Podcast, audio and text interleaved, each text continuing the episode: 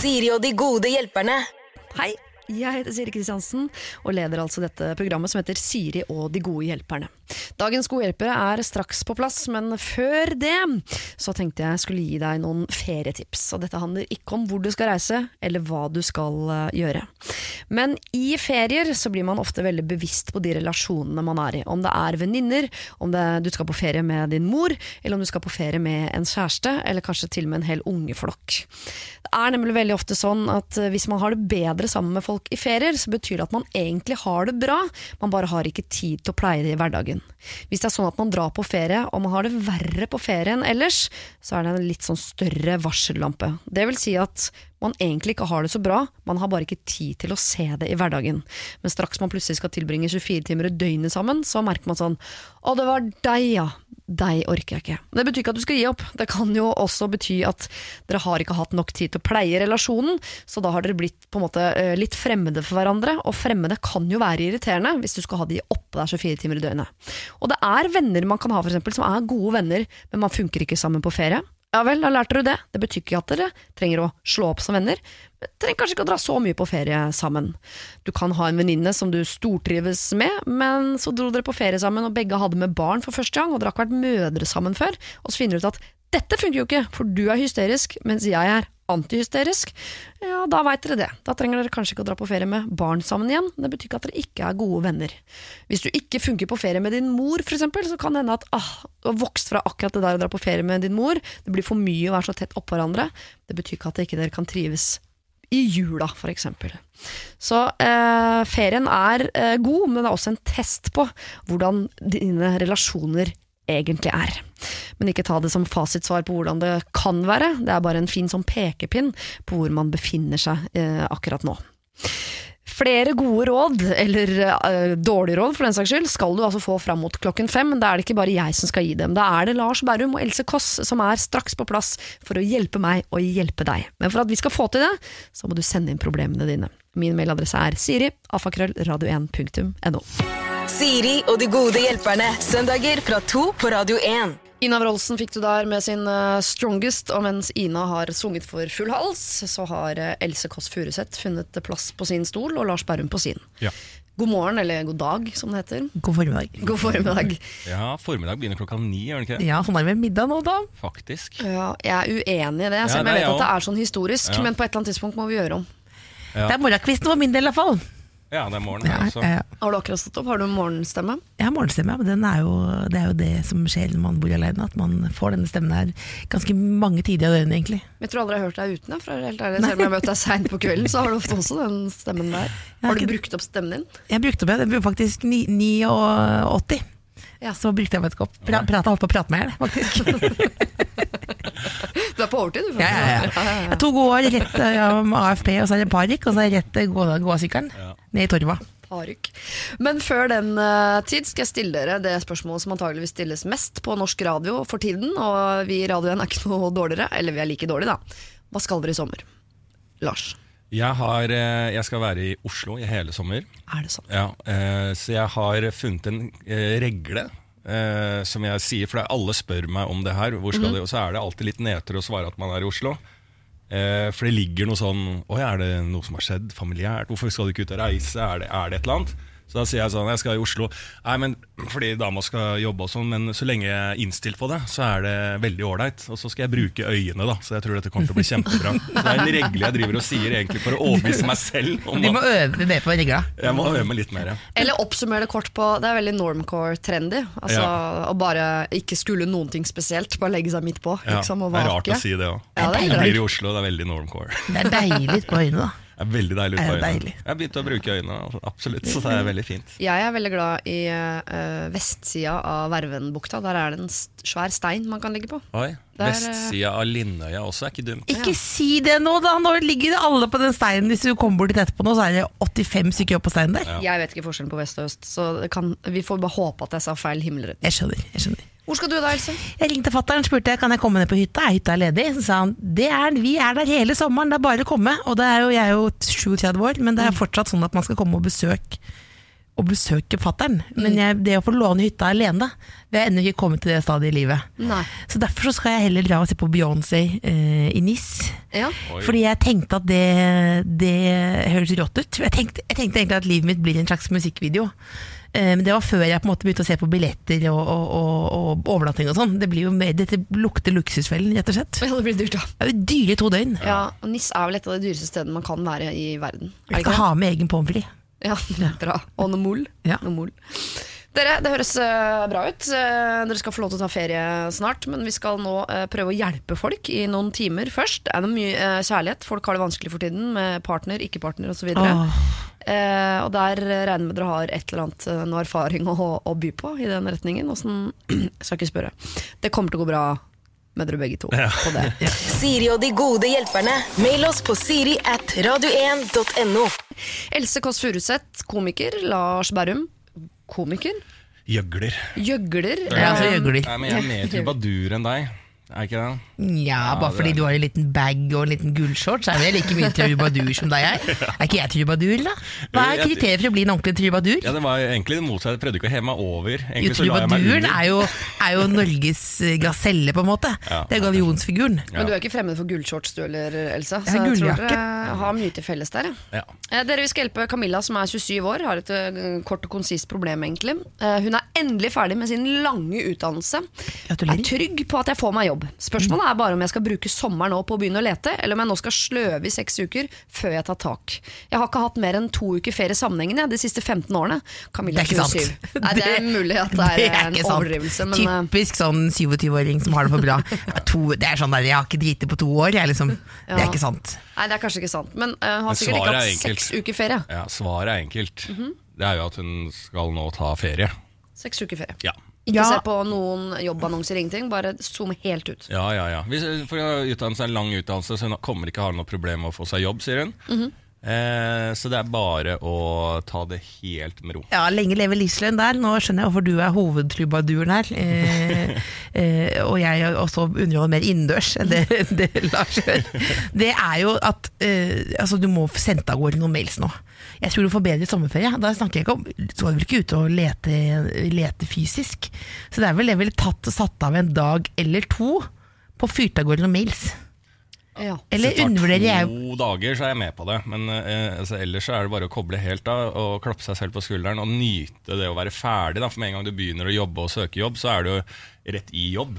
Men det kommer jo ikke til å være intervjurunder og sånn nå i juli, så uansett så får man jo juli av. Det er gode fire uker der. Så får fyrt av gårde noen mail før juli, og så da. av i fire uker. Og så aldri mer enn én måned ferie sammenhengende, altså.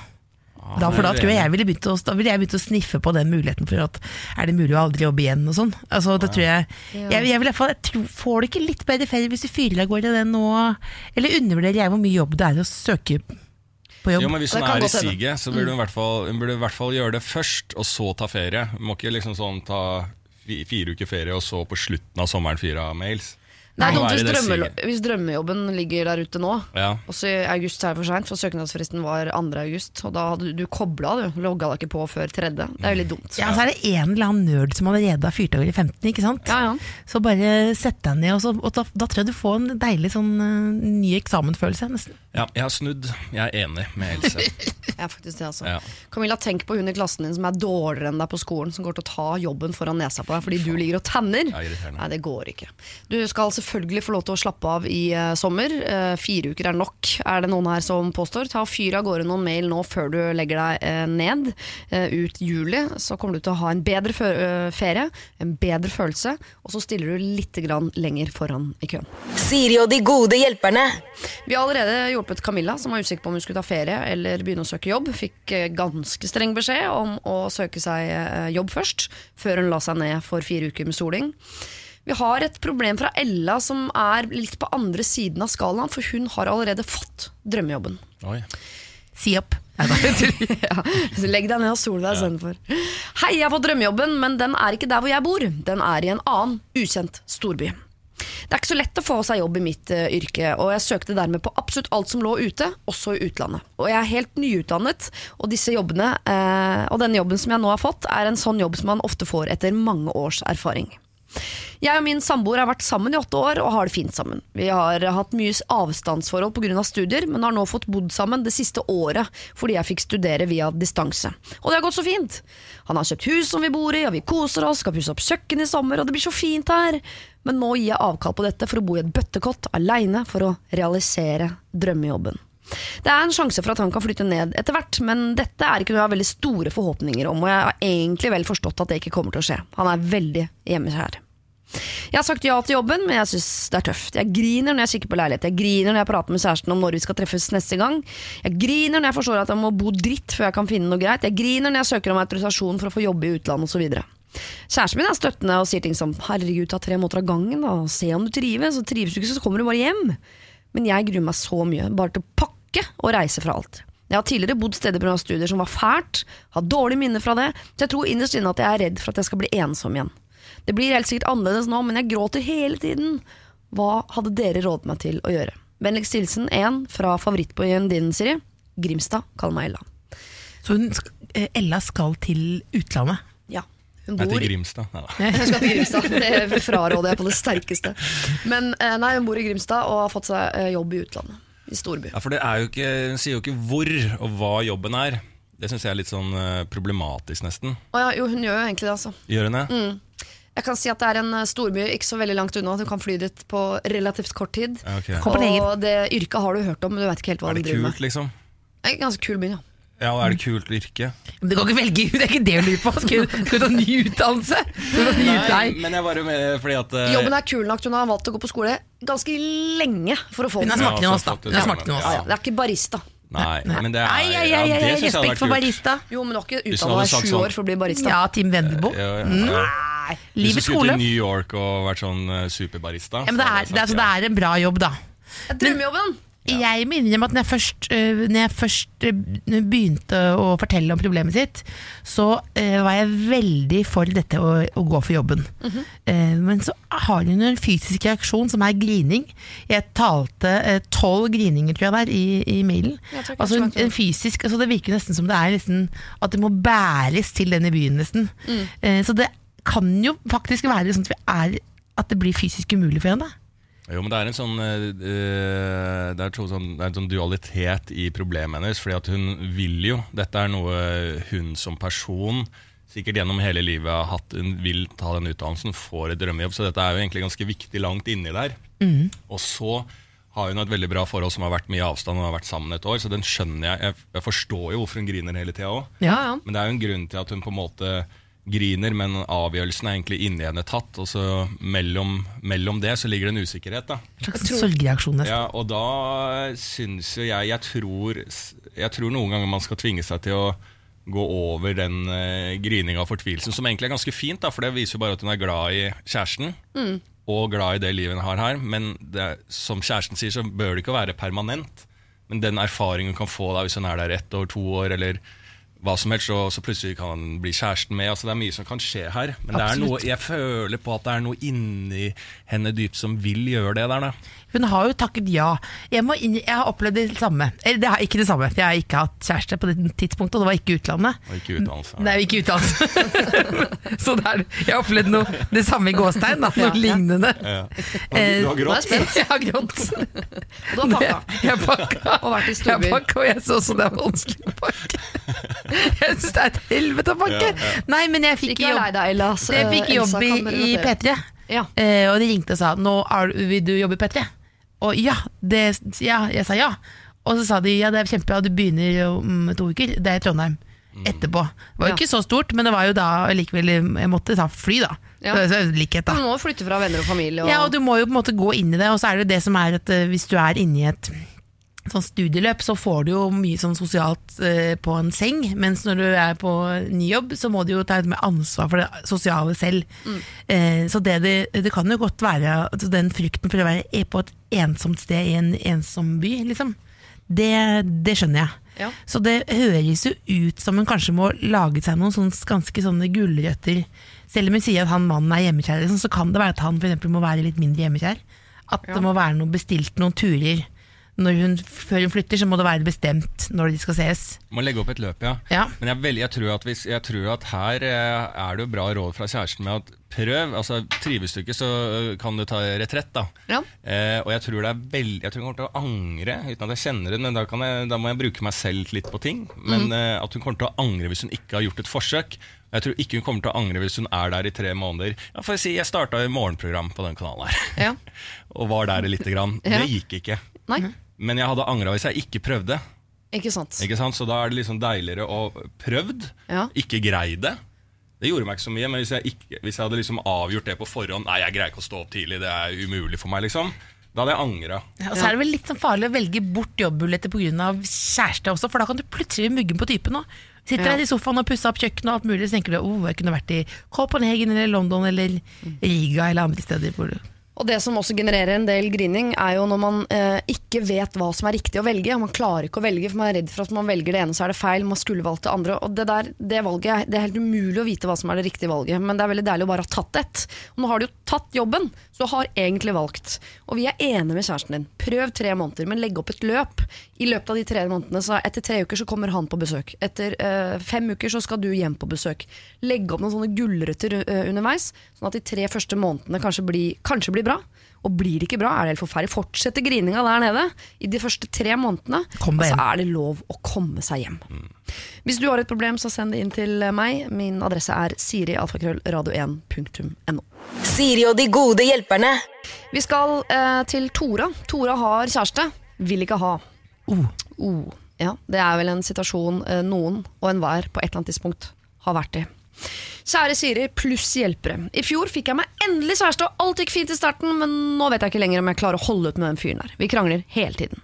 Det er mange faktorer som påvirker eh, tankene mine om å gjøre det slutt, eh, men jeg tror det er det riktige for oss begge. Det er bare to problemer. Vi skal på to ukers ferie og et bryllup i løpet av sommeren. Jeg har bestemt meg for at jeg vil på den ferien. Det er en såpass fet ferie at jeg nekter å gå glipp av den. Bryllupet derimot tror jeg kanskje ikke er så lurt med tanke på at jeg skal møte foreldrene hans for første gang. Bør jeg ta opp dette før vi reiser? Skal jeg ta det opp med en gang? Vente til etterpå? Kanskje det er lurt å se hvordan ferien funker før jeg bestemmer meg sånn ordentlig ordentlig? Jeg vil jo ikke at han skal sitte igjen og føle seg lurt når jeg forteller dette rett etter at ferien er over, og rett før et bryllup, som skal finne sted ganske få dager etter at vi kommer hjem. PS. Jeg tror begge kan leve med at vi reiser på tur som venner, altså. Ettersom vi er veldig glad i å reise, begge to. Jeg trenger ja, det er, Den setningen vet jeg ikke hvor kommer fra. Jeg trenger sårt noen gode råd på forhånd, takk. Kall meg Tora. det er ikke hennes eget bryllup. Det er det ikke. Det er det absolutt ikke. Nei. Nei, eh, jeg tror jo her at den er ikke den gan- jeg, var, jeg ble dumpa en gang, og da hadde vi nylig vært på en tur til Paris, tror jeg. Ja. Og da husker jeg tenkte på For det var ikke så lenge etter en sånn eh, Og det var ikke noe vi hadde bestilt, det hadde vi fått i gave, tror jeg. Den Paris-turen. Så vi dro på den, da. Og da følte sikkert hun at nei, jeg kan ikke, vi må på den ferien, og så gjør jeg det slutt ved senere, senere liksom. Og da husker jeg tenkte på, men jeg surra jeg liksom rundt i Paris der, og så så tenkte jeg tilbake på den ferien, hvorfor i helvete vi dro på den ferien, når Ja. hun egentlig eh, inni, inni seg hadde jo til slutt, da. Følte Ja. du deg brukt? Eh, ja, jeg, ikke bruk lurt. Jeg følte meg litt sånn, at jeg følte meg litt sånn eh, Jeg, jeg syntes det var litt flaut, for jeg tenkte over liksom, hva gjorde jeg på den turen? Altså liksom sånn, alt Jeg tenkte liksom igjennom alt jeg hadde gjort på den turen. Og, eh, ikke, noe, ikke noe slemt, men bare sånn hvordan jeg var mot henne. Så visste jeg egentlig at hun egentlig bare Å, Jesus, la oss bli ferdig med den turen her. Veldig privat spørsmål som du kan velge å ikke svare på, men uh, lå dere sammen, leide, altså var det kjærester på den turen, eller var det litt muggen stemning? Ja, ja, jeg følte jo det, da. At Ja. vi var kjærester. Og jeg, Det er en stund siden, jeg husker ikke om vi lå sammen, men det, det, det gjorde vi sikkert. Ja. Men jeg følte at liksom sånn at jeg var eh, Ja, jeg følte at det var kjæreste, men det var jo noe motstand. Hun kan jo ikke ha følt det. Det er jo ikke, ja, men det er jo ikke det sikkert det at det var gjorde bes- meg litt flau, da. Det er jo ikke sikkert at det er så bestemt heller, da. Det kan jo være litt glidende overganger der. Ja, absolutt, men jeg bare jeg, jeg, Ja ja. Det, det, Ah, det du kan- hadde vel følt det sånn kanskje selv om det var, hvis det hadde vært i Norge òg, eller var det det at det er Paris som setter det på spissen? Nei, det, det er egentlig det at vi at, uh, man De fleste drar drar dit for å fri, liksom. Til Paris. Nei, det trodde jeg ikke kom til å skje. Men, jeg, jeg, eh, men bare det i forhold til henne som skal på en to uker ferie, hvis hun ikke sier fra noe og så gjør slutt rett etterpå, da, da kan den personen føle seg Jeg hadde anbefalt, nå er jeg veldig glad i å være sånn ærlig på sånne type ting, da, Ja. å ta det før. eh, ferien. Eh, altså ikke, for det virker for meg som Tora har bestemt seg ganske greit på at hun ikke er keen på å være sammen med han. Det høres jo ut som hun har bestemt seg, og så høres det litt ut som det derre Vi har ikke noe problem med å reise på den turen som venner. Det, eh, Det tror jeg vi ville spurt om. Ja, det tror jeg ville spurt om. Jeg tror, jeg tror der, da tror jeg du det, det tror jeg er en livsløgn som vi bare kan kvele med en gang, tror jeg da.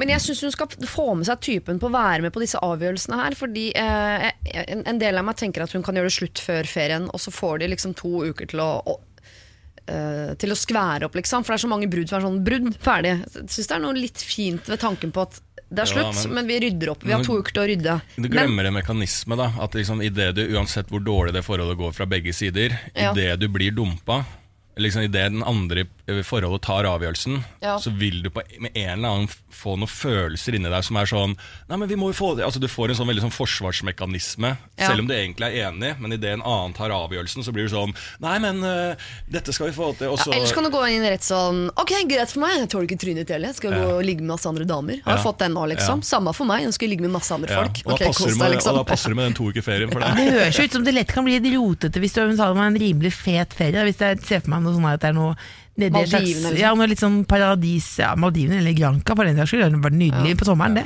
Ja, ja. På vinteren òg, for så vidt. Ja, ja. Ja, ja, men, ja, ja, men- hvis du er på sånn Da kan, hørtes det ut som det kan bli litt sånn rotete, og da at man slår opp, men så er det litt alkohol, og så er det sommer og fri og alt mulig. Ja. Så det høres jo egentlig ut som hun ikke har så mye valg, da. Nei. Men vær litt- Vær snill med han og gi, gi, gi, ta samtalen før ferien, Ja. tenker jeg er mitt råd. Ja, hvis hun sier, eh, fordi Hvis de krangler hele tiden, så er han også klar over at det går litt dårlig. Det er ikke sikkert han vet at det går så dårlig som hun mener det gjør, men sier sånn Vet du hva, eh, jeg er litt usikker på vår framtid sammen. Jeg syns vi skal bruke disse to ukene her, og det skal hun jo, disse to ukene her, på å finne ut av om vi har noe framtid sammen. Og i løpet av de to ukene så må jeg også finne ut da selvfølgelig om er det noe vits at jeg er med i det bryllupet, men den samtalen tipper jeg at den kommer til å dukke opp på den ferien. For hvis de er der nede og det går dårlig og man veit at man vurderer å gjøre det slutt og sånn, så kommer de til å snakke om det bryllupet. Og da kan de ta den avgjørelsen sammen. Hva tenker du? Syns jeg skal møte mor og faren din nå? Er det noe vits i? Ja.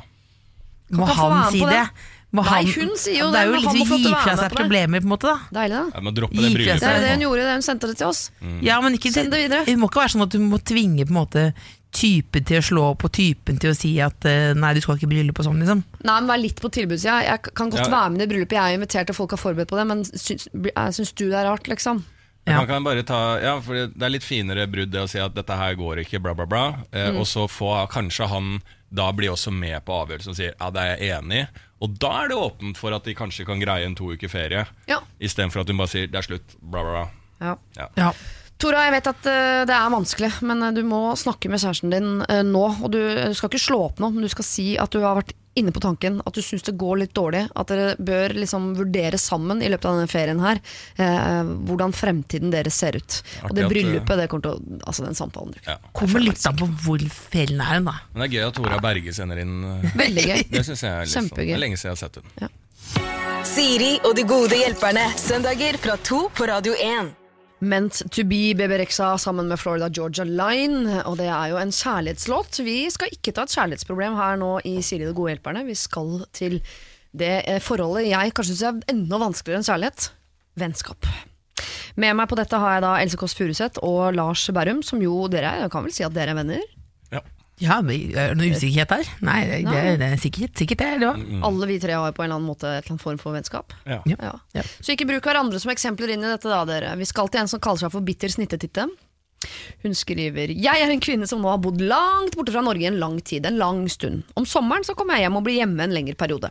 Jeg har alltid hatt en del venninner, men eh, som da har vært en god miks av barndomsvenner, ungdomsvenner, skolevenner osv. Jeg har alltid vært veldig dårlig på å si nei da jeg har bodd hjemme, og da har jeg dobbeltbooka en del avtaler, og til slutt så har det bare blitt til at alle vennene kjenner hverandre. Og ettersom eh, jeg har vært fraværende, så har de blitt ganske close. Det har jeg sett på som positivt, og det har jo blitt til at vi da er en eh, sånn vennegjeng som de fleste vil ha. Fram til nå de siste åra. For nå har de begynt å ekskludere meg. Danne klubbmøter og henge sammen selv om jeg er hjemme. Og snakke om meg når jeg da selvfølgelig ikke er der. Og det er da de ukene vi er hjemme at jeg får høre om alt dette, og jeg føler at de driver og gnir litt inn. Bestevenninnene mine har blitt bestevenner med hverandre, og jeg tror det gjør det litt av sjalusi fordi jeg bor i utlandet og har et annet liv. Jeg vil ha bestevenninnene mine tilbake, kan ikke de bare fått seg sine egne bestevenninner? Hvordan skal jeg klare å ikke være bitter, men fremdeles ha det gøy med mine bestevenner, som er bestevenner? Hilsen bittersnittet Titte. Mm. Så hun har egentlig kobla sammen uh, en ny vennegjeng hun. Mm. ved hennes venner ja, og hennes fravær, som har skapt da en ny vennegjeng her hjemme i Norge. I vakuum av hennes personalia. Ja. Så, Hun har jo egentlig fått det som hun ville først. Ja. Fordi hun fikk samkjørt, for den dobbeltbookinga, den har jeg gjort. det er som å bake en kake, og så spiser du hele, og så griner du for du har blitt tjukk. Det er Litt det samme, vil jeg påstå. Ja. Relaterbart. Ja, det er jo Jeg vet ikke Beklager, jeg så på meg den kaka. Unnskyld. Ja, jeg så for meg jeg, jeg, skjønner, jeg falt av. Hvordan kake? Nei. Nei, men det betyr jo ikke, selv om du har bakt kaka sjøl, så betyr det ikke at ikke de tårene er reelle. Altså den, det hun, de følelsene hun kjenner på nå, de er helt reelle. Ja. Hun er bitter på det, syns det er kjipt. Ja, hun har jo vært litt eh, Jeg bare får eh, dette her nå Det er jo antakelser, da, men hun har jo vært eh, en ganske rå jente i gjengen. Dro tidlig ut. Fikk seg noe rått i utlandet, bygde opp der. Sikkert ganske awesome på Instagram. Er på mye awesome ting. eh, kommer tilbake, forteller mye om det, og de, eh, det er liksom sånn åh, så gøy at du tør, og bla, bla, bla. Og så har de Mye sånn rooftop-parties, ja, ser jeg for meg. Ja, så har de vennene vokst sammen også, så blir det liksom sånn Ja, uff, ja, nå får vi våre liv her i Norge, og så er det ikke så stas med hennes liv lenger. Så nå har hun på en måte for første gang Nå er hun litt sånn på undersida. Mista status? Ja, mista litt status. Eller jeg tror ikke hun har mista status, men føler det, fordi at de har blitt venner. og hun kan da ikke være sammen med én venninne og snakke om de andre venninnene. Altså Nå må hun forholde seg til de som en eh, enhet. Og alle de snakker om henne, så jeg skjønner jo veldig følelsen. Men det kan jo hjelpe litt som hun er inne på selv, å tenke at uh, dette kommer fra Mer ikke at du skal, at du skal på en måte anerkjenne deg selv som en dronning, men skjønne at dette kommer fra sjalusi. da Uh, Og prøve å møte dette med en raushet. da Uh, og, For det er jo, i hvert fall- det, er jo det, det aller verste hadde vært hvis de på en måte hatet hverandre, for da hadde du blitt dratt i to. Eh, så da er det jo Men det kan jo da Det letteste er vel kanskje det, Men det, det er jo også det vanskeligste. Å si noe om hvordan hun har det. Ja, I et nå, møte? Nå Nei, du nå- snakke deg bort, Fordi at du hadde Nå syns jeg du var veldig god, Else. Og så mista jeg det. Ja, så mistet jeg det. det. Er sånn som på 60-meteren nå. Ja. Løper 40 meter, fint, tenker Usain Bolt, faller ned som glassmanet. 16 sekunder har det. Ja. Men uh, fordi at jeg syns det var veldig bra det i begynnelsen der, ja, med at, uh, som hun egentlig selv er inne på, som du sier, med sjalusi, at uh, å være det beste hvordan hun kan vinne statusen tilbake i vennegjengen der, Ja. er bare med at i det punktet de tror at hun har liksom blitt litt sånn Hun tilhører utlandet og mm. hun lever sitt liv. Men idet hun kommer tilbake, er rausere enn noensinne, så, Ja. så vinner hun egentlig de igjen. Det er bare sånn Å, Jesus, hun er jo helt fantastisk og mye flinkere på å takle dette enn oss òg, og da vil hun få eh, statusen Men skal hun ikke åpne konkulien og si at eh, hun blir lei seg? Nei. Nei. Det er for dere begge fikk sånne rynkebryn når jeg sa det. Ja, men, ja. for det var, Jeg syns det tipset var så bra, for du vinner alt ved å bare uh, være Komme og mer være lart, voksen rett og og- slett. Jeg lagt. mener bare ganske hardt i sånne situasjoner, for man har jo vært borti varianter av dette. Mm. Jeg mener man kan ikke uh, sutre eller grine seg til vennskap. Hvis man vil opprettholde et vennskap, så må man, uh, så må man gi, først og fremst. Og vennskap er ikke bare at du kan sitte på et gjerde og grine og få fordi du syns du fortjener. Da må du gi. Så når du kommer hjem fra Nå vet jeg ikke om dette stemmer med bittersnittet ditt, men du kan ikke komme hjem og være lei deg for at de andre har hatt det så innmari gøy. Mm. Da må du sørge for å ha det gøy sammen med dem når du er der. For hvis du er borte, da kan ikke de ta hensyn til deg. Du har reist. Mm. De har det gøy sammen, og de opplever masse når du er borte. Dette er konsekvensen av å bo i utlandet, er det du sier. Ja, og de blir jo selvfølgelig nære fordi de ser hverandre ofte. Og det er jo, altså, Men de jeg mener gnir at- det inn, sa hun. Ja, men det føles som man gnir det inn. De gjør jo ikke det. Det er ikke en TV-serie. Så når hun kommer hjem nå og sitter og føler på dette her Det er ingen andre som sitter og føler på dette her. Det eneste de legger merke til, er at du er litt i dårlig humør. Ja, og da blir det Da gjør du ikke situasjonen noe bedre. Og det er naturlig å føle på det, det må vi også si Ja, til ja, ja.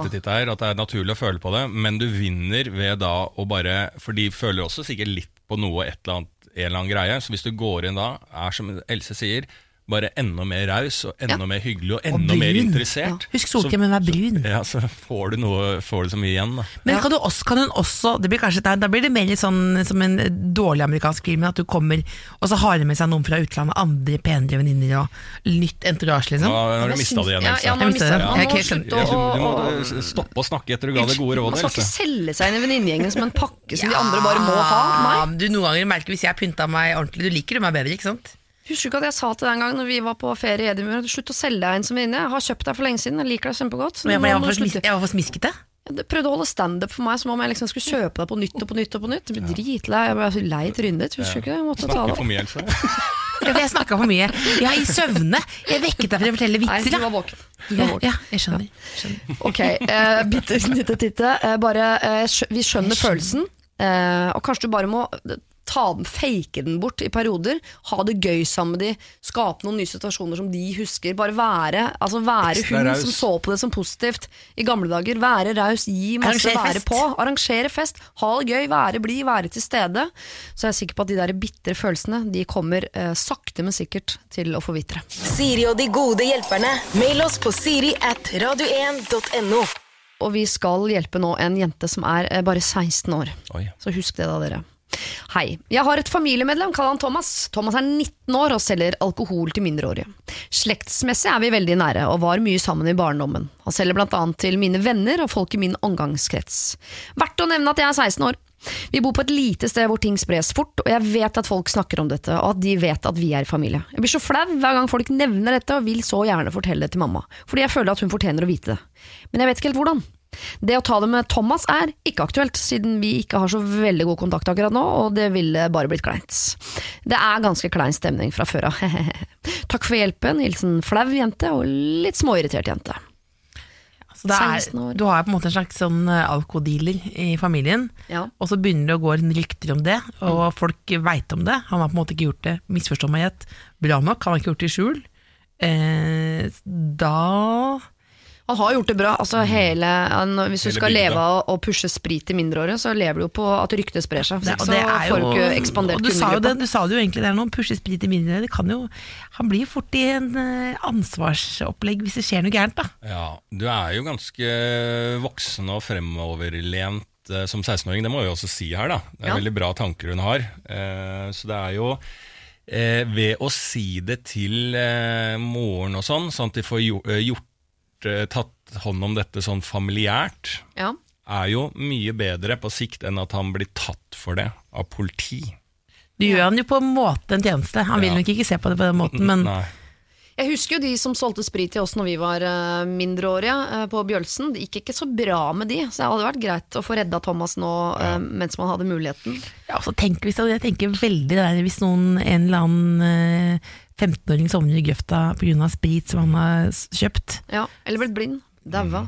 Eh, ja. Ja, fordi at jeg tenker også at hun er 16, han er 19. Eh, han, kan, han er godt irritert på henne og mener at hun er eh, kjip og, og bla, bla, bla, bla, bla. Men hun er såpass ung også, også i hans øyne, at hun, det er ikke noe farlig det som vil skje med henne hvis hun sier fra til moren og faren. Men ok, men la oss, hvis vi alle er enige om at han hun skal si fra på et eller annet vis, da.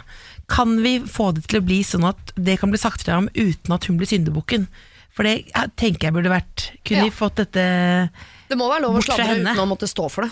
Det mener jeg. Ja, altså Vi må ikke si at det er hun som sa det, men den, eh, det, man må jo også være realistisk at det vil jo peke, slik jeg forstår at situasjonen mellom de er nå, litt sånn, så vil det vel mest sannsynlig peke mot henne. Man må bare kjøpe en halvflaske 9-6 dagen etter eller dagen før. Eller noe sånt, sant? Ja, men kan man Hvordan mener du? Nei, hvis, øh, hvis hun går og sier fra, og så dagen etter så kjøper hun også sprit til ham, bare for at hun later som hun er en del av kundegruppa. At hun er rimelig happy med det han driver med, og ikke misfornøyd. Men kan ikke noen tipse mo- Kan hun ikke få til å tip, si fra til moren anonymt, liksom, hvis du skjønner? Altså, altså at man gjør det anonymt, da. Ja. Men ikke sånn til lokalavisa, men at man, Ja. men at man Det er eh, litt kinkig, den der, altså. Men jeg syns at eh, det blir feil å si kanskje noe annet også, men jeg syns at hun skal eh, gi beskjed. Og så er det jo litt opp til eh, mora og faren hennes til å faktisk greie å gjøre dette anonymt. Ja. For det kan hun si fra til moren og faren sin bare sånn og jeg har ikke lyst til at dette skal peke tilbake for meg, så er det ganske, for de foreldrene er det ganske mange muligheter for å gjøre det slik at det ikke peker til henne. da. Men foreldre er klønete altså, eh, på det der. Det er ofte at ting kommer ut fordi foreldre har eh, gått og slarva. Så jeg bare lurer på om man skulle ha droppet det der eh, unødvendige leddet som er mor her, og gått rett til tante. For da er det vanskeligere å spore til hvor har tante, altså mora til Thomas, hvor har hun fått denne informasjonen fra? Hvis hun har fått det fra søstera si, som er da mora til irritert jente på 16, Ja. da begynner det å bli lett å koble. Men hvis hun er første kilde, liksom, ja, gått rett høres ut som en kriminalroman av gått Jo rett til men eh, eh, mora til eh, dealeren, ja. rett og slett. Ja, Den er tøff, da. Det er en vanskelig Jeg møte. mener at det er altså sånn trygghetsmessig Hvis hun har et godt forhold til moren og faren sin det, Vi kan si det da Hvis eh, dine foreldre, du ser på de som er bra til å handle sånne type ting ja. Og sånn, så synes jeg du skal gå til dine foreldre s- Og si fra Og også si at jeg, det, må- jeg vil ikke at det skal peke til meg Og hvis, eh, Det skjønner de. Ja, Ja. Og, da, og hvis de er gode og ikke klønete foreldre på det, Mm. så ordner det seg, og du har gjort din plikt, så er du ferdig med det og kan ha god samvittighet. Ja. Men hvis hun har et tett forhold til sin tante også, så kan hun gå rett til tante. Absolutt. Hvis hun ikke har et godt forhold til noen, skriv et brev. Ja. Hvis du hater han, så tagg det på en vegg i bygda. Ja, Thomas uh, pusher sprit. Ja. Ja. Nei, Men, da, men det er vanskelig å få tak i det. Om du kjøper, får tak i cans, alt mulig. Ja. Mm, ja, det kan fungere som en markedsføringskampanje også. Ja. Det er Ja. dumt. Eh, lykke til. Uh, du trenger ikke å være flau, det glemte jeg å si. Det uh, sier ingenting om Det er ikke sånn at fordi fetteren din selger sprit, så sier det noe om deg. Nei, nei. Annet enn at han selger sprit og han er fetteren din. Så du trenger ikke å være flau. Men det er fint at du er irritert. Jeg liker engasjementet ditt. Så hvis du har et godt forhold til dine foreldre, og de ikke er klønete, eh, så foreslår vi at du tar det med dem. Siri og de gode hjelperne. Vi skal nå hjelpe en som heter Kristine, og når jeg sier at vi skal hjelpe, så mener jeg Lars Berrum og Else Kåss Furuseth. Kristine er forlova med en fyr som Jeg lar henne fortelle selv. Jeg skal gifte meg i sommer, lykke og glede og tjohei! Nei. Jeg har snoket på hans logg på Mac-en og funnet ut at han sjekker ut nettsider som blant annet heter sidesprang.no. Det visste jeg ikke at fantes. Eh, vet ikke hva det er heller. Og sjekket også ut sider eh, Altså jeg sjekket ut uh, sider uh, som han har søkt på, og fant da også eh, sider som handlet om godt trente jenter med små pupper. Eh, selv er jeg ikke så godt trent, har fem kilo for mye, men likevel timeglassfigur og størrelse C-cup i BH. Han har også søkt på thaidamer. Jeg lyser huden. Hvorfor gjør han dette? Han skal gifte seg med meg og flytte sammen med meg. Vi har vært sammen i tre år, vi er begge over 40. Jeg kan ikke si at jeg vet dette, da blir det slutt. Uh, vi har det supert, altså, men dette er ikke greit i mitt hode. Eller er det bare jeg som er prippen? Kall meg Kristine. Kan Altså, ikke si Kristine, det. nei, Da blir det slutt. Høres veldig rart ut. Så Men du hva- skal gifte deg med en fyr hvis du sier fra om ting han gjør som, er, eh, som ikke er bra? Nei, men det er liksom Så for går at, dere fra hverandre? Ja, men det er, da klikker han, ikke sant, hvis hun har snoka i loggen hans. Det Dem, er vel det altså- hun mener, da, at det er tillitsbrudd, liksom. Er det Sånn, tillitsbrudd å snoke i loggen? Nei, jeg syns det er Det er greit. tillitsbrudd å snoke i SMS-en, vil jeg si. Ja. Og i- inni Messenger. Det er, eh, det er vel, vel, liksom. Ja. Men loggen Altså, må jo ha det. må, må Det ha er vanskelig, altså, jeg det skjønner jeg jo, da. Altså, det bør ikke bli slutt, men den er vanskelig sånn å si fra. Bare sånn, du, jeg har sjekka loggen. Men jeg, jeg, jeg tok opp dette sidesprang.no-greiene. Det er jo sånn at du Det er jo for one night stands og erotiske eventyr, står det. Ja, Altså, men det er liksom, ikke, Registrerer du deg hva du er, og hva du vil ha. Du må ikke liksom bevise at du er gift. For, det er ikke eh, folk som kobler opp folk. Nei, nå har ikke jeg logga meg inn. Nei, Du har men, ikke eh, lagd ikke profil gjør ennå? det. Jeg har vært der de siste fem åra, og det er ordentlig ålreit. Ordentlig type, fin type du skal bli sammen med. Neida, men jeg tror at det betyr jo ikke at han har vært utro. Det må kan være sånn. Så hvis vi kan jo lage et skille her mellom eh, internettaktiviteter og aktiviteter i virkelig livet. Ja. Ja. Så det kan jo være Han kan jo ha Nå skal jeg være sånn som jeg har hørt at professor vil si. Han kan jo ha fantasier om andre typer damer selv om han elsker deg.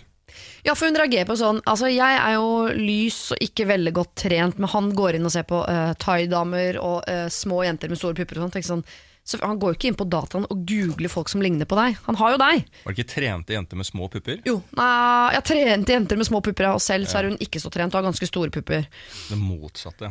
Det må være Jo, lov men- å drømme om Marit Bjørgen. Er ikke det hele poenget med Ikke hele poenget, men en del av poenget med porno er at der eh, leker man seg med ting som man ikke driver med i virkeligheten. Ja da, altså Det bør ikke være noe farlig og noe sånn uh, av den type ting. Det tror jeg ikke. Så jeg, jeg skjønner jo at man blir litt sånn Æh, hva faen skjer? Uh, det er jævlig vanskelig. Akkurat den derre sidesprang.no er vel det som eh, Ja. er mest sånn Den er verst. urovekkende, på en måte. Ja. Eh, at han googler, litt googler utroskap, liksom. Det Ja. skjønner jeg er eh, For det, det, det med Du kan vel ikke begynne å røre rundt i hva slags porno typen din liker, på en måte, eller, eller hva? Nei, det, det synes jeg hvis, fø- hvis du først godtar at typen din surfer porno, det tror jeg man bare skal godta. Hvis han gjør det, så kommer han ikke til å slutte med det. Ehm, så skal du ikke legge det opp i preferansene hans. Du kan ikke be han sånn Du kan se på porno, men bare med damer som ligner på meg. Det, går ikke. Det går Nei, ikke. nei, nei. Altså, Men det er jo- sidesprang.no eh, er jo Kan det hende han bare har kommet seg inn der via Nei. en pornoside? For det står sånn Nei, det, det, nei, det blir for dumt. Det er ikke, Nei, det, jeg er helt hvelver- enig at vi må du få- hvelver ikke på Jeg skjønte jeg fikk masse sånn derre Vil du gå ned i vekt-tips? Ja. Eh, Det er jo pga. cookies. Nå skjønte jeg hva cookie var for noe. Da, det er fordi de skjønner hvem du er. Okay. Ja. Så da har, er det ikke det? Ja, At det, de, jeg visste ikke det. De leser jo hvem du er. Jeg er. har også lurt på det cookie-greiene. Jeg sier ja jeg, hver gang. Ja, nettopp, da får de bare De skjønner hvem du er, og da plutselig så får ja. du alt oh, ja, er tilpasset deg. ikke sant? Ja. Nei, men jeg, jeg er også helt enig i at vi må sentrere det. Altså, øh, det er jo litt sånn øh, fysiologiske forskjell på gutt og jente, og at gutter øh, har et sånn annet sånn behov for å ta seg en runk og den type ting, og Ja. bruke porno og den selv om, Og det bør ikke være noen indikator på at sexlivet er dårlig eller noe sånn. Nei. Så den er grei, den, den, må, den kan hun legge bort, liksom. Men det sidesprang syns jeg jo, hvis de skal gifte seg og sånn, Eh, og hun har funnet det bare Du, du har søkt på sidesprang.no, så syns jeg den er såpass sånn eh, Bør ikke være sånn du, du, du, ta opp-samtale, men eh, har det bare dukket opp, eller hva er det?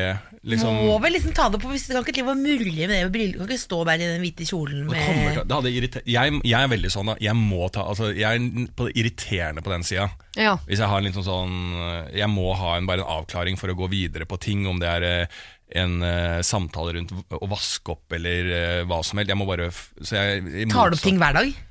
Nei, jeg tar ikke opp ting, men hvis det er noen ting så i for- som egentlig kan bare la ligge, og så, gå, så er det null stress, så må jeg bare få en closure på ting. Ta opp ting som er litt irriterende, før du blir skikkelig irritert på ting som egentlig bare er litt irriterende. Burde være en god leveregel. Fordi Det er jo ikke noe vits å gjøre store nummer ut av ting du bare kunne sagt fram. Nei. Men du er jo gift, Siri. Nei. Beklager, unnskyld. Jeg ser på deg som gift. Ja, det, det tar jeg som Eh, ja, i form av barn. eh, Ja. Med, med lukken. Ja. Hadde, hvordan hadde du, hvis du hadde, hvis du hadde snoka på hans maskin, og det sto, han var inne på sidesprang.no, Mhm. hva hadde du gjort? Jeg har tatt opp med en gang, men jeg sa fra til han i det øyeblikket vi ble eh, offisielt sammen. Hvis du har noe å skjule, så må du skjule godt, for jeg snoker. Jeg går inn på, Hvis jeg uh, lurer på noe, er usikker på noe, jeg går gjennom PC-en din, mobilen din, alt det du er klar over. Uh, så hvis du skal gjemme noe her, så må du gjemme det godt. Så han er sammen med Poirot, liksom. Hæ? Han er sammen med Poirot. Ja, men nå, Jeg har ikke gått inn på verken PC, mobil, ingenting på mange år, for jeg har ikke det behovet. Nei. Ikke sant? Men det er fordi han gir meg en trygghet på at det er ikke noe, det er ikke noe vits å snoke. Det er ikke noe å finne her. Men når du skal gifte deg, det kommer til å, når det gnager allerede nå, så kommer det til å gnage mer. Så Ja. den sidesprang-greiene må du ta opp. Det Men ta det er ikke nødvendig Det er mange muligheter for å ta opp sånne type ting. Mm. Og det er en lapp. Eh, Skrive med leppestift på speilet. ja. Nei, men du kan ta det opp litt sånn eh, fint, og så bare eh, Hvordan, du, kan du gjøre det uten å si at du har snoka? Nei. Men du, du bør ikke si at snoka, men jeg så det i loggen her, og så kommer det sidesprang. Det bekymrer meg. Vi skal gifte oss og sånn. Er det, har du et behov for noe som ikke jeg vet? Kan du si det? Ja, det er bra. Det må han tåle. Ja. Ja. Du må ta opp, eh, droppe alle preferansene hans på porno, det må han få lov til å ha for seg sjøl, men på et eller annet tidspunkt, gjerne når jeg er ute og kjører bil, det er min favorittarena å ta problemer på, så tar det opp det at du har kommet over en nettside han har søkt på som heter sidesprang.no. Du blir litt bekymret all den tid dere snart skal gifte dere. Trenger jeg være bekymret? Legger du ballen over hos han, og så må han forklare. Nå er de gode. Nå er vi gode. Hvis du trenger eh, hjelp, så send en mail til meg, sirialfakrøll, radio1.no. Siri og de gode hjelperne. Portugal The Man, Feel It Still, hørte vi altså uh, der. Litt rart, vi skal ringe en man som er i Portugal rett etter sending i dag. Det er morsomt. Skal du det? Jeg skal det. Oi. En venn av meg som er i Portugal, han skal jeg ringe etterpå. Kan ikke du Kult. si Og det er jo da Portugal The Man. Ja, du, sier du det? Still, skal jeg si. Sier du, hey, is it Portugal the man? Og så tar ikke han referansen, og så er det en rar start på Ja, samtalen. det kan være. Så legger han på. Du er rå, Siri. Du har venner i Portugal. Åh, Oi, oi, oi, oi, gratulerer. Algarve, eller? Algarve? Okay. Ja, har ikke spurt. Har ikke gått i detaljene på det. Og du vet ikke hvor den bor? i det? Er ikke så opptatt av geografi. Blåser mye i Portugal, har jeg hørt. Ja, den er. Tror det er fint, men det blåser for mye. vet du. Jeg har vært der med mutter'n på sydentur for mange år siden. Eh, dere, vi skal, vi, har det. vi skal faktisk til en eh, som heter eh, Vilde. Og eh, Vilde. Er altså så heldig at hun sendte inn et problem til dette radioprogrammet. Eh, skrev i emnefeltet Slottsfjell, eh, og har med det vunnet billetter til Slottsfjellfestivalen. Det vet ikke Vilde før jeg sier det til henne nå. Oi! God tur. Så Ville, du har vunnet billetter der. til Slottsfjell, og du kan da sitte og se uh, Siri og de gode hjelperne live uh, på en scene der på torsdag den 19. juli. Uh, og da er du allerede et lykkeligere menneske, fordi du har fått hjelp med det problemet du har sendt inn, og det lyder. Vi er en vennegjeng på 13 stykker, og hver gang noen har bursdag, så spleises det på presanger til bursdagsbarnet. 150-200 kroner hver gang. Jeg studerer i utlandet og får aldri vært med på disse bursdagene, men blir allikevel bedt om å vippse. Så jeg vippser, jeg, da. Men det blir jo mye penger da i løpet av et år, og mitt dilemma er kan jeg på en eller annen måte få lov til å droppe å bidra med penger, eller skal jeg bare betale det beløpet til vennene mine? Jeg får ikke selv noe til min bursdag fordi jeg er i utlandet og ikke arrangerer noe selv eh, når jeg er hjemme. Er jeg gnien og kjip, eller er det innafor å ikke bidra? I så fall, hvordan sier jeg at jeg ikke ønsker å bli med på gave? Kall meg Vilde. Her har jeg et veldig bra Her føler jeg for det har vært mange, mange som studerer i utlandet i løpet av denne sendingen. Ja, det har det. Så her kan man egentlig bruke litt av noen andres problemer. For det var eh, tidligere i dag så var det en eh, jente som studerer i utlandet. A bitter, Eh, uh, bitter titte eh, Kalte seg bitter bitter lite titte et eller annet. Ja. Mhm. For hun følte seg eh, at hun hadde endt utafor vennegjengen sin. eh, Fordi de hadde egne klubber og egne, egne opplegg. Så hun følte seg når hun kom hjem, da, så var hun litt sånn, sånn eh, litt på utsida. Ja. Og det kan da skje ved at hun det, jeg, jeg skjønner eh, hennes synspunkt at hun egentlig ikke bør vippse, men idet hun slutter å vippse for disse gavene, så når hun kommer hjem igjen da, så kan det være noe som gjør at hun liksom er litt sånn på utsida, for da blir hun For det er fint når hun er i utlandet, at når det er bursdager her hjemme, så bare å, det er også Vilde har vært med på å spleise på gaven. Og da gir man en tanke til ah, så koselig Vilde som er i Edinburgh da, eller for eksempel, og studerer. Ja, ja, ja. Eh, og så eh, er jo det helt nydelig, og da, når hun kommer hjem igjen da, så er det allerede en liten sånn flying start. Men idet hun gjør noe fra utlandet da, begynner å ekskludere seg sjøl, så kan det få litt sånn kjipe konsekvenser her hjemme. Men hva får Vilde igjen? Akkurat jeg, hva, ja, Hun får vennskap, da men, da, men egentlig så burde jo det på en måte holde utenom. Fordi jeg merker at jeg er litt, blitt litt dårligere på bursdager, øh, øh, for å si det mildt. Og plutselig så Fordi det bare ja, vet ikke, jeg har ingen god unnskyldning. Uh, da prøver jeg å tenke at man skal være litt sånn large på det også. Altså sånn, Hvis ikke noen sier gratulerer med dagen til meg, så begynner ikke jeg å kverle på det, liksom. Nei, men Det er Altså- så mange som gjør det. Altså, Jeg er også veldig dårlig på det, og veldig fin sjæl hvis folk glemmer bursdagen min. Mm. Men jeg har mange venner i vennegjengen som er altså, voksne menn. altså, som, Jeg har aldri opplevd voksne menn altså, uh, som er sånn uh, alfafolk og uh, 'bryr meg ikke om noe', livet, jeg ordner alt og sånn. Mm. Men hvis jeg glemmer bursdagen og det er veldig kjedelig. Hvorfor gjør du det? Det syns jeg er veldig kjedelig. Det var rart at du ikke ringte. Ja, så du mener at det er farlig, farlig, begynne det å der? drive og, og Det kommer til å bli tatt symbolsk. Ja, for folk er gærne på bursdag, så det må, det må Vilde vite. Selv om jeg ikke er Jeg skjønner Vilde veldig godt, ja. men her må vi bare bite i det sure pengeeplet Ja. og vippse over penger. Holde den gående, fordi at da er det sånn Du blir alltid nevnt på kort, og alltid sånn, så da vil det vennskapet fortsette. Du, du fucker med noe større enn det du tror, Vilde. ved La meg konkretisere dette sure gaveeplet for dere. Det er 13 i vennegjengen. Hun er en av dem, så er det 12 igjen. Så det er 12 bursdager i året av 200 kroner. Det er da 2400 kroner i året som hun bare må sende av gårde på Vips for å eh, bevare vennskapet. Ja. Da må du sette den prislappen på hvor deilig du syns det er å komme hjem til en vennegjeng som du er en naturlig del av. Er det verdt 2400 kroner i året? Ja eller nei? Ja. Det er jo ja på det. Det er ja på det, men, også, men jeg mener jo at de burde være venner selv om man ikke har vipset. Altså at en, meld, at en melding for eksempel eh, er verdt minst like mye, men selvfølgelig da er du med på det. Navnet står på kortet, men Ja, en hyggelig Ja, men De mister jo ikke vennskapet fordi de blir sure på Vilde som ikke vil vippse. Det er jo mer at hun går litt ut i glemsel fordi hun ikke er en del av eh, Gjengen. Ja, for Det vil si at det er tolv ganger i året hvor de andre har en dialog rundt noe som hun ikke er med på. Og Da begynner de, da glemmer de Vilde. Det handler ikke om at de er sure på Vilde som er gnien. Det handler om at de bare glemmer henne litt. Hun Ja. er borte. Er bort. Vi har ikke sett henne på lenge. Og nå har vi ikke hørt syne, ut av navn. Vi har ikke sett henne på Vips engang. Altså, hun er helt borte. Jeg skjønner. Så Helt Vips er på en måte den nye Tinderen på en måte i, i vennskap. Da. vennetinder, ja. Vennetinder, ja. Jeg skjønner. Ja. Du kjøper deg ikke et vennskap her, Vilde. Du bare minner om at du er en del av gjengen. Og det syns jeg det er verdt å gjøre tolv ganger i året til den nette sum Hvertfall- av 200 I hvert fall kroner. nå som du har fått uh, Slottsfjell. Pass. Ja, ja. Det koster jo sparte ca. du- like mye. Ja, men Det er jo ikke noe problem i det hele tatt. Ja, så for 2018 så er dette eh, en no-brainer. Siri og de gode hjelperne. Vi skal nemlig ta et problem nå eh, fra en som heter Marie, som har vært i en situasjon hvor, eh, som har vært så pinlig at enkelte har bare valgt å forlate situasjonen. Og for at vi skal ha sympati med vedkommende som velger bare å forlate situasjonen, så tenkte jeg å spørre dere først om dere har opplevd en situasjon som har vært så pinlig at istedenfor å, å møte den, konfrontere den, så ba, må man bare gå derfra. Ja, sikkert noen verre, men det første jeg kom på, er at jeg nettopp hadde begynt å jobbe med TV. Eh, Det var en, en sommerdag, jeg bodde på Bislett, og så gikk, var, husker jeg bare følelsen jeg var så fornøyd mm. liksom, med livet og hvordan ting gikk. Liksom. Og så kom jeg inn på Deli de Luca, så var det lang kø, og så kom jeg foran og bare uh, blir fornøyd, og så sier hun bak kassa sier sånn Du, eh, jeg vil bare si noe til deg. Bare si noe til deg. Og så sier jeg sånn Ja, ja, selvfølgelig kan du få ta et bilde med meg. Eller vil autografen min? Jeg trodde hun hadde kjent meg fra TV. Ja, Og så sa hun nei, vil bare si ifra at du har um, eh. Nei, du har hele skjørtet nedi trusa di. Det hadde gått da Ja. god halvtime. Og da, som var bare, det er jo på en måte en enkel scene, liksom, men da husker jeg bare at jeg bare gikk ut med skjørtet oppe i trusa. Bare gikk. Du eide det, liksom? Som det, at det nei, nei, jeg eide ikke det. Nei, jeg bare tenkte dette er for både det at du trodde at du var eh, en kjendis i gåstein, og Ja. at noen ville ha et bilde, og at du viste rumpa. Det er mye på en gang. Takk for Ja, meg. Det er mye poeng. Ja, For det er jo ofte sånn at man er i et eller annet som man eh, Jeg har ting jeg har gjort som jeg har tenkt på liksom 5-10-15 år etterpå at jeg kanskje burde ta opp og si fra. Sorry, husker du den gangen hvor jeg hadde, jeg hadde, tiss, jeg hadde tissa på meg, rett og slett. Jeg vet ikke om du så det, men jeg hadde det.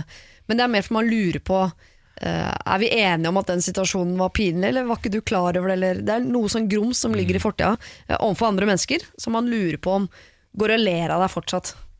Husker den gangen Siri Kristiansen kom hjem på meg og hadde pissa på seg? Ja, var det husker jeg jo. Det, det var jo Kom ikke jeg på det, vet ikke om det er uh, eh, Dette kan være ganske uh, Det er kanskje ikke noe, men jeg, jeg husker da jeg hadde bil på videregående, og så kjørte jeg til, uh, til skolen. Og så var det en venninne som jeg skulle plukke opp på en busstasjon, men det hadde jeg glemt.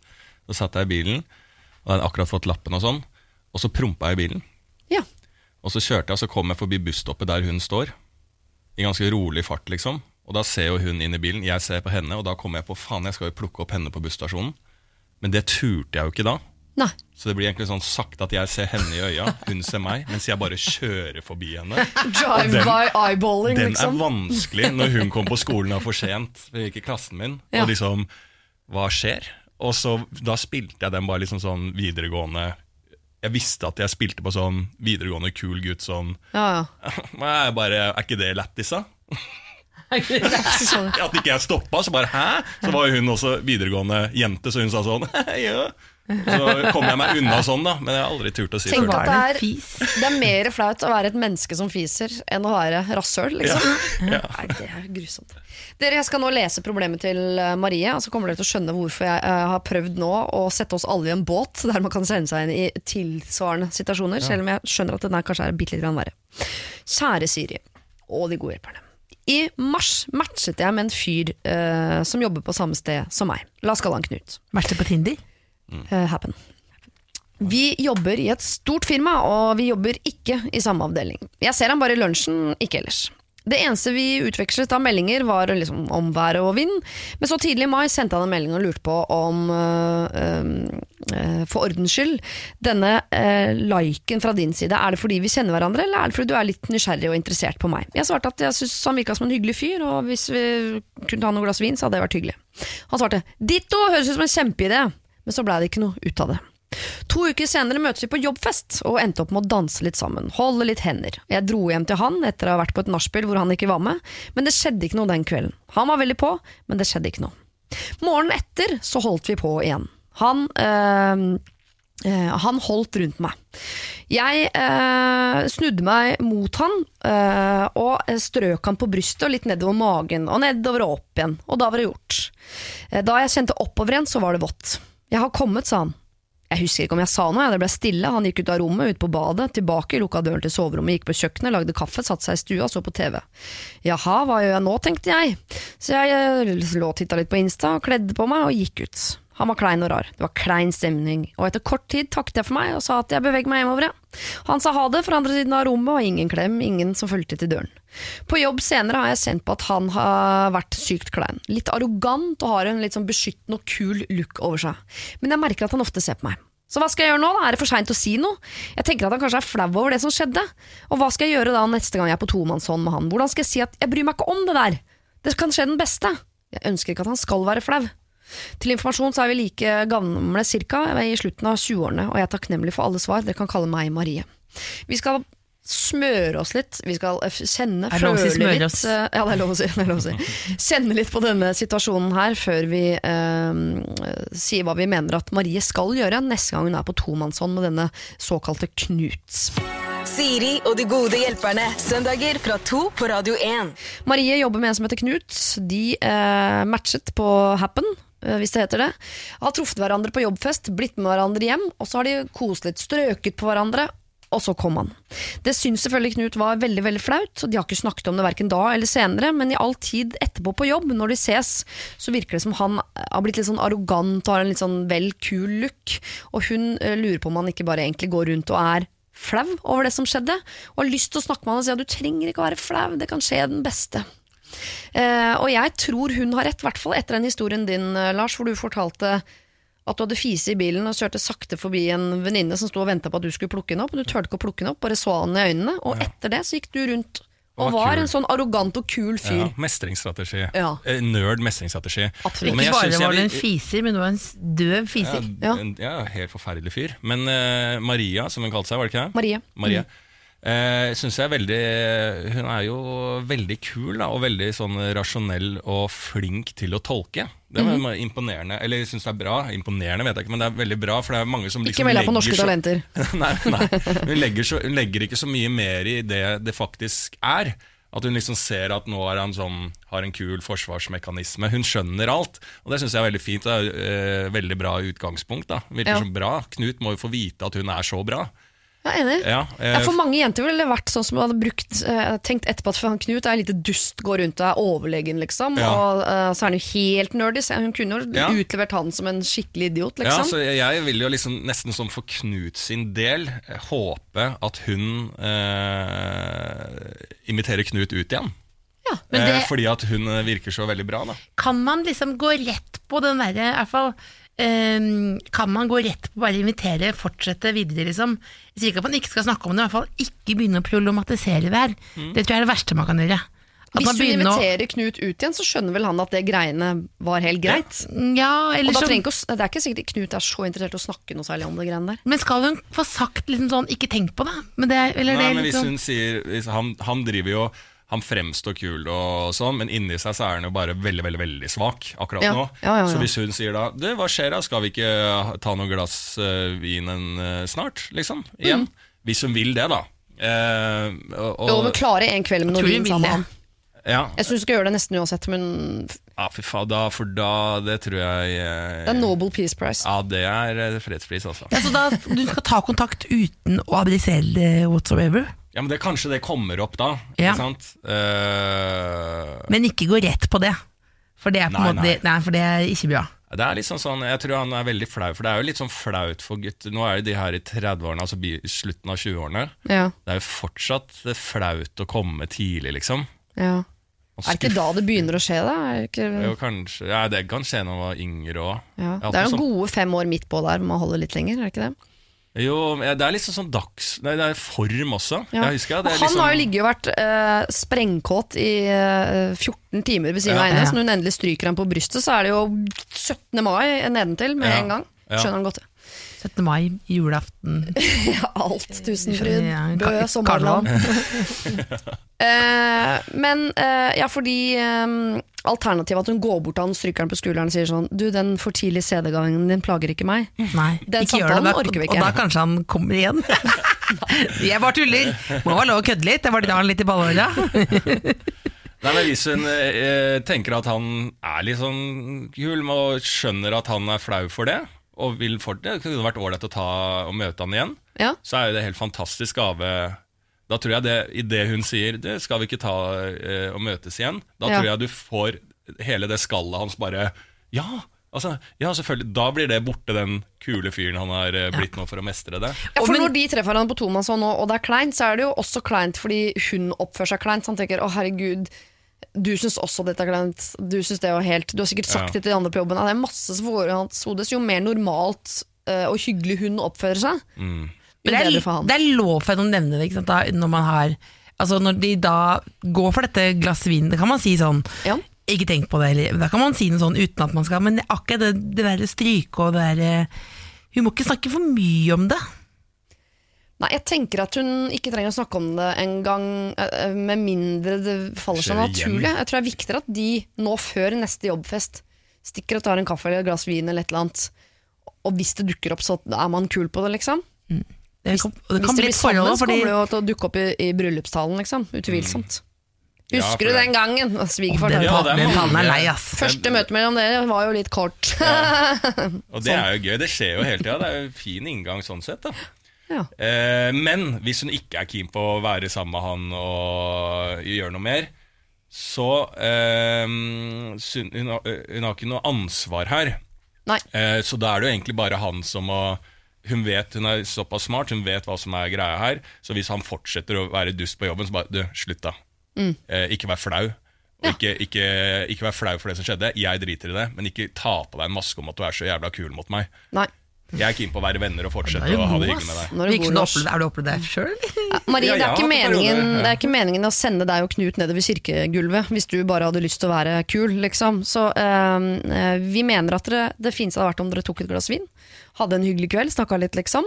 Eh, men hvis ikke du er fysen på det, så skal, er ikke det, din, det er ikke ditt ansvar. Da må du bare eh, være kul mot han på jobben, og hvis han ikke slutter å være litt sånn arrogant, så kan du ta en setning på det, Ja. liksom. Når du er en såpass bra person som vårt inntrykk av deg er. Ja, vi elsker jo Vi det. elsker jo Marie. Kan vi komme i bryllupet i? Absolutt, det kan vi.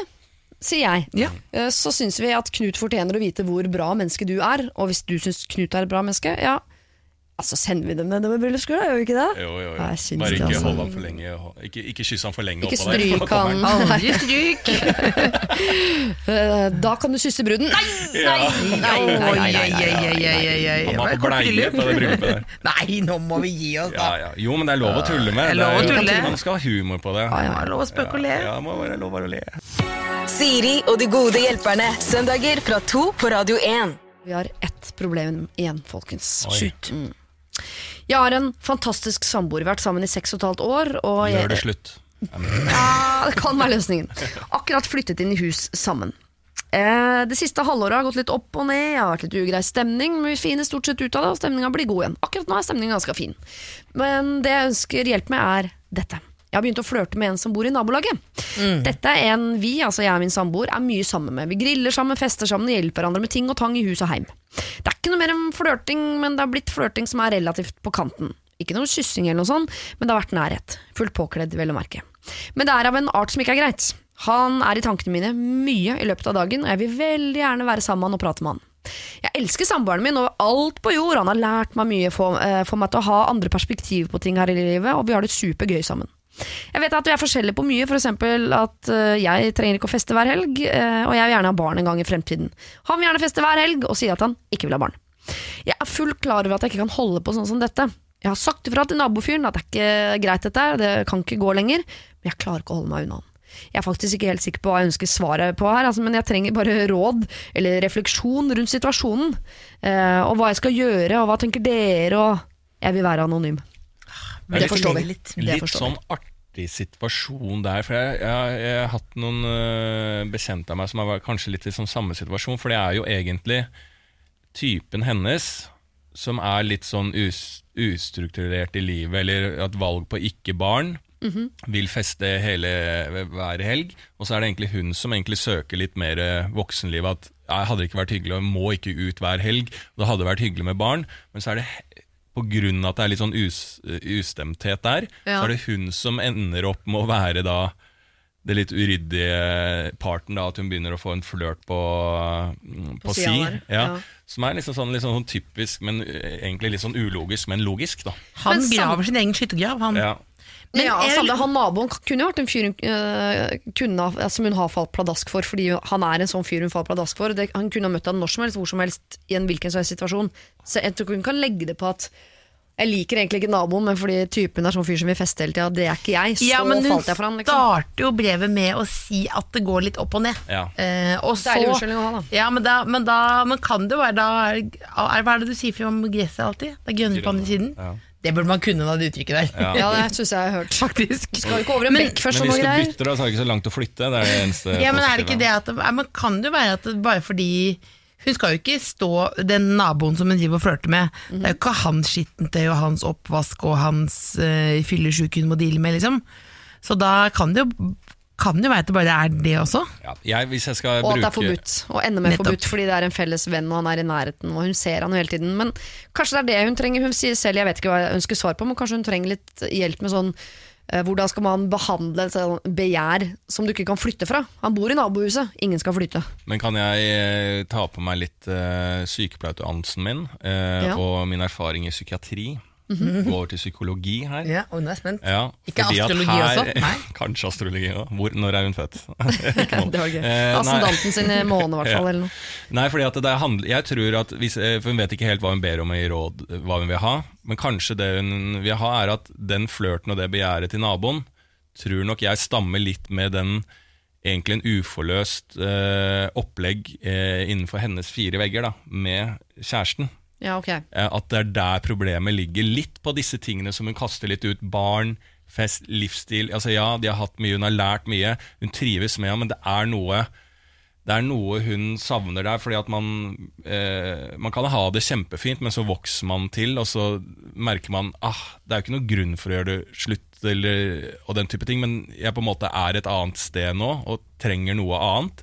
Og da, da åpner man øya for andre typer ting også. Jeg Ja, vil hun trigge en reaksjon hos han, rett og slett, som er en sånn uh, At han våkner opp fra tilværelsen sin og bare 'Oi, hun er på vei bort'. Nei, nei, nei, kom hit, Ja, jeg, tror barn. trigge, jeg tror ikke hun vil trigge det, men jeg tror at det er en sånn naturlig hos mennesker at da, når man, det, er, det er årsaken til at hun på en måte åpner øya og får en sånn flørt med naboen, er fordi at det er noe som hun må ta tak i med kjæresten. Ja. Gjør hun det, så blir det enten liksom sånn Altså Hvis man går veldig sånn i ytterpunktene, så er det enten da at de velger å gå hver for seg, Ja.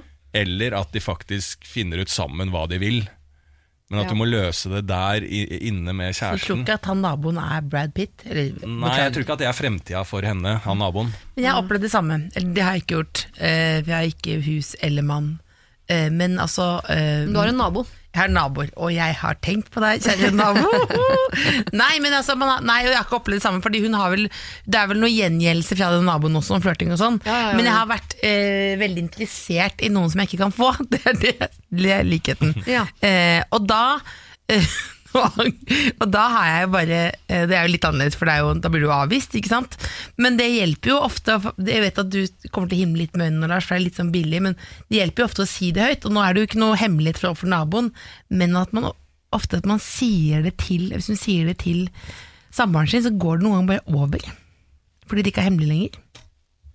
Altså, uh, Du jeg, flørter med jeg har hatt en flørt gående med. Det er jo grilling og hjelpe er hverandre med ditt og datt og ting og tang og Men skal festing si sånn. Det? det? er- det er borte.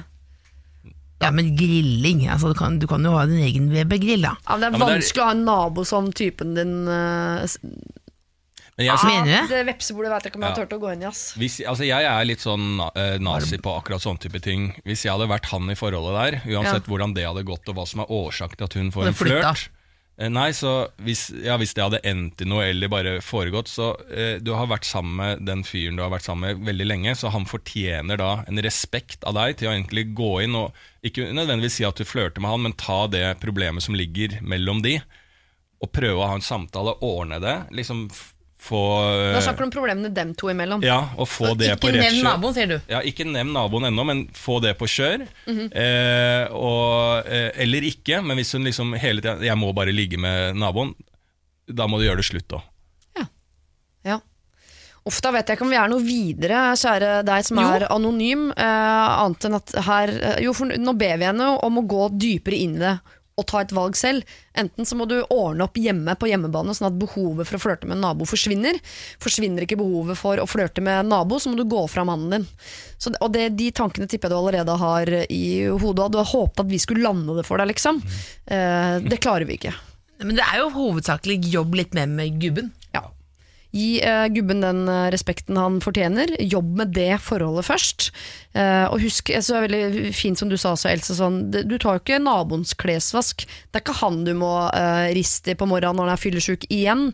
Så alt irritasjonen du har hjemme, den ligger ikke på naboen. Så det er klart at han at hans gress er grønnere, liksom. Det er jo ikke vanskelig å, å se for seg det. Ja, det er kunstgress bortpå Evig der.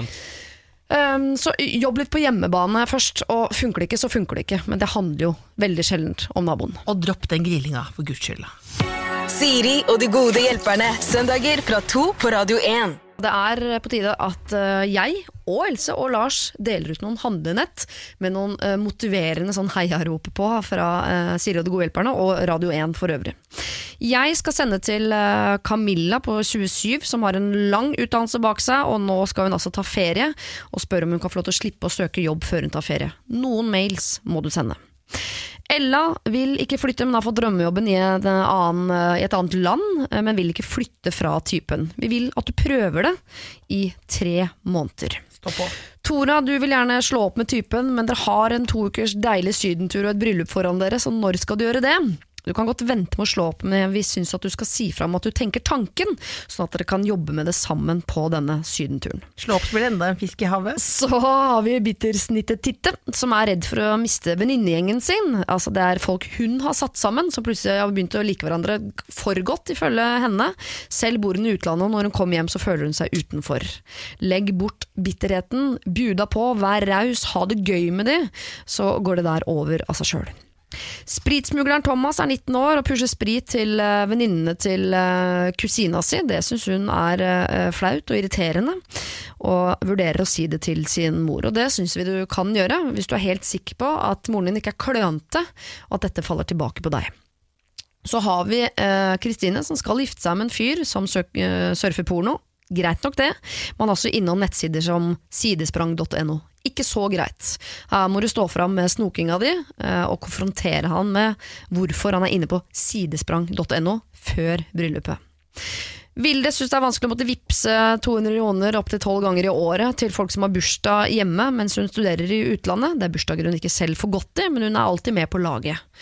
Uh, sørg for å ikke bli bittersnittefitte, Vilde. Uh, nå sa jeg noe hun ikke kalte seg. Jeg gjorde det, altså. men jeg har hatt lyst til å si det ordet hele dag. Uh, Vilde, pass på at du ikke går dit, at du blir eh, bitter eller glemt. Så ta så vips over de 200 kronene hver gang forespørselen kommer. Det er noe søsteren min også gjør, at hun bare skriver 200 kroner uten at det er 200 kroner. Det kan man også gjøre. Oh, ja. mm. Du sender eh, tanken, men ikke Ja, det er fint. Og så har vi da Marie som har kost litt med en fyr på jobben som var litt uheldig og, og, og kømma på brystet hennes litt tidlig. Eh, han har vært eh, overlegen og litt vel kul i all ettertid for å beskytte seg selv, og det skjønner jo du, Marie. Og nå har vi bedt deg om å be han ut på en ny date for at han skal forstå at det der var helt greit. Fet løt, da. Var litt uheldig å kømme på brystet. mm. Jeg gikk opp i Seks år senere så er de gift og har to barn, hvem vet. Og så har vi deg, anonym, som er forelska i uh, naboen. Rydde opp hjemme først. Dere får tote bags, alle sammen, og i tillegg så skal dere få lov til å gi ut hver deres. Lars? Ja, eh, da kan jeg gi ut til eh, hva som helst og hvem som helst, eller? Mm, ja. Til de, de, som har sendt inn, eller? Nei, nei hvem som helst. Ah, hvem som helst. Faren din. Oh, ja, far, Putin. Far, nei, far, fa, Fatter'n har blitt forbanna hvis han fikk et toltbag. Hva Ja. faen skal jeg bruke dette til? Du har sett hva som er oppi? Ja, ja, ja, Ja. gæren. Ja, kanskje en halvliter, han blir glad. Ja. Men eh, jeg vil eh, sende totebag til alle eh, mennene, de mannemanna som er med i eh, fotball-VM. Ja. Eh, og der skal det være plaster og bandasje. Og Mm. sånne knebeskyttere og litt sånn forskjellig. Fordi de, det har jo vært et eh, VM, og det er jo et VM som går nå, som er, består av veldig mye filming. Folk ruller jo ni runder bare noen kommer borti beinet. Så det er jo veldig tøffe menn med artige frisyrer, men de er ganske svake. Så jeg Så vil, når du sier mannemenn, så er det ironisk. For Ja. dette er til de eh, altså de svake mennene som trenger masse skuldre å gråte på. Absolutt, så der kommer jeg til å ja, kanskje ha en bok om, som er litt sånn støttende bok, og med plaster og bandasje. Ja. Ja. ja. Kanskje en bamse også. Bamse. En teddy. Peke på hvor det gjør vondt, osv. så. Ja. Ja. Sjela, sjela, Ja. gjør vondt i sjela. Ja, det der har vært flaut å se på. Blir Ja. så flau. Menn som ruller ni ganger rundt. Fordi, Ja, så altså, skriker de så Ja. veldig. Jeg skjønner ikke at ikke de det. ja. Gjør det det? Shout-out til Neymar, du må skjerpe, du må skjerpe deg. Ja, ja, Altså, han, og en iraner nå nylig også mot Spania, som tok liksom kaka da han Var han som strakk seg opp og ned igjen? ja, Det var altså, Suárez, men det var en iraner som tok altså, helt seriøst seks runder. Han var så vidt blitt borte, tatt, tapt i. Oi, oi, oi. Ja, det er bare å Det kontakte den nasjonale scene. De er ute etter folk som kan uh, spille skuespill. Eh, Else? Else? Jeg eh, sa til Lars nå at jeg lurte på Jeg mima til Lars at jeg ville gi, gi en totebag med medmenneskelighet til Trump. Ja. Og da sa Lars at det kan du ikke gjøre, for det har allerede gjort mange gjort før deg. Men det gjør jeg det likevel. Eh, Er jo, det? det Ja, er men det er ingen som har ja, gjort det, for men det er opp- selvfølgelig. det Ja, men samtidig. Send til faren til Lars, da. Jeg sender, jeg sender inn Jeg sender en eh, bagett og en øl til faren din og Ja. medmennesket Trump. Og så sender jeg en toatbag til bestemor, eh, fordi hun syns det er rått med toatbag. Ja. Har ikke fått eget enda. Altså med en solkrem for bestemor vil ikke smøre nesa si, for hun vil bli brun. Det er veldig viktig, bestemor. Med en liten eh, ikke, det er bedre Ta sånn stikk da med 50. Ja, det, men hun, vil, hun er opptatt av å se bra ut, ikke sant? så det blir fort eh, for mye, og da blir det, ser ikke bra ut. Jeg var i Syden med fatter'n, og han nekta å bruke solkrem. Mm. Eh, for på 70-tallet brukte de bare Spenol. Ja. Ja. Og han ble jo rød, rød som en hummer, men eh, mener fortsatt at det er veldig mye beskyttelse i Spenol. Ja.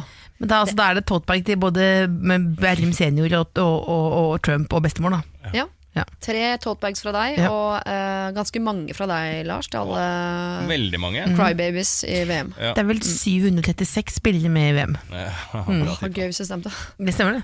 Gjør det? Ja, jeg tror det faktisk. Det skal jeg sjekke. Kan det stemme? Det er jo mange ut. Dere, god sommer. Du i Oslo, Lars, som skal ha Oslo-ferie, men Jeg benytter er av helt greit, øyene. jeg, så lenge du har innsikt på det å få brukt øynene. Så synes jeg det fint. Hei Goldman, hei Goldman! Og god tur til deg, Elsen, som skal til NIS, blant annet, og se Beyoncé. Queen. Eh, Queen. Queen bee! Queen bee. Og til alle dere som hører på, hvor enn dere skal tilbringe sommeren, så ønsker jeg dere alle en god sommer. Siri og de gode hjelperne. Du hører fortsatt på Radio 1, og mitt navn er Siri Kristiansen. Jeg tar sommerferie jeg nå, de neste fire ukene. Det vil si, jeg tar en pause i sommerferien for å dra til Slottsfjell, altså den 19. juli. Der skal Siri og de gode hjelperne eh, prøve å hjelpe deg som måtte være på festivalen med de problemene som har dukket opp der, fra en scene, sammen med Norges beste improvisatører fra det andre teatret. Så det anbefaler jeg deg å få med. Bortsett fra det, så kommer jeg altså til å vase rundt, eh, innbakt i solkrem og hvetebakst, helt fram mot august. Det betyr ikke at ikke du kan sende problemene dine inn til meg, for i det øyeblikket august begynner, så skal jeg begynne å lese eh, mail ganske hardt, og jeg vet av erfaring at det dukker opp en del problemer i løpet av sommeren. Altså forhold som er forbi, forhold som har oppstått, naboer som har flyttet inn, foreldre som har forandret personlighet, en venninne du pleide å like, men ikke etter den sydenturen, osv. Alt dette kan du sende til meg på sirialfakrøllradio1.no. Jeg vil også minne deg om, du som hører på, at eh, jeg har vært ute og kjørt bil i samarbeid med Seat. Og denne gangen så har jeg tatt med meg altså hele Norges eh, Morten Hegseth på tur i bil. Han har jo en ektemann, og problemet med denne ektemannen nå er at han har flyttet langt vekk fra Morten. Morten ser han kun i helgene, og det som kunne vært perfekte helger, starter ofte med noe misnøye hos Morten. Hva dette er, det må du gå inn på Radio 1 sin side på Facebook for å sjekke ut. Så gjenstår det bare for meg å si uh, god sommer. Høres i august, men ikke logg av Radio 1, for Radio 1 kommer til å være her hele sommeren og spille den beste musikken. Siri og de gode hjelperne.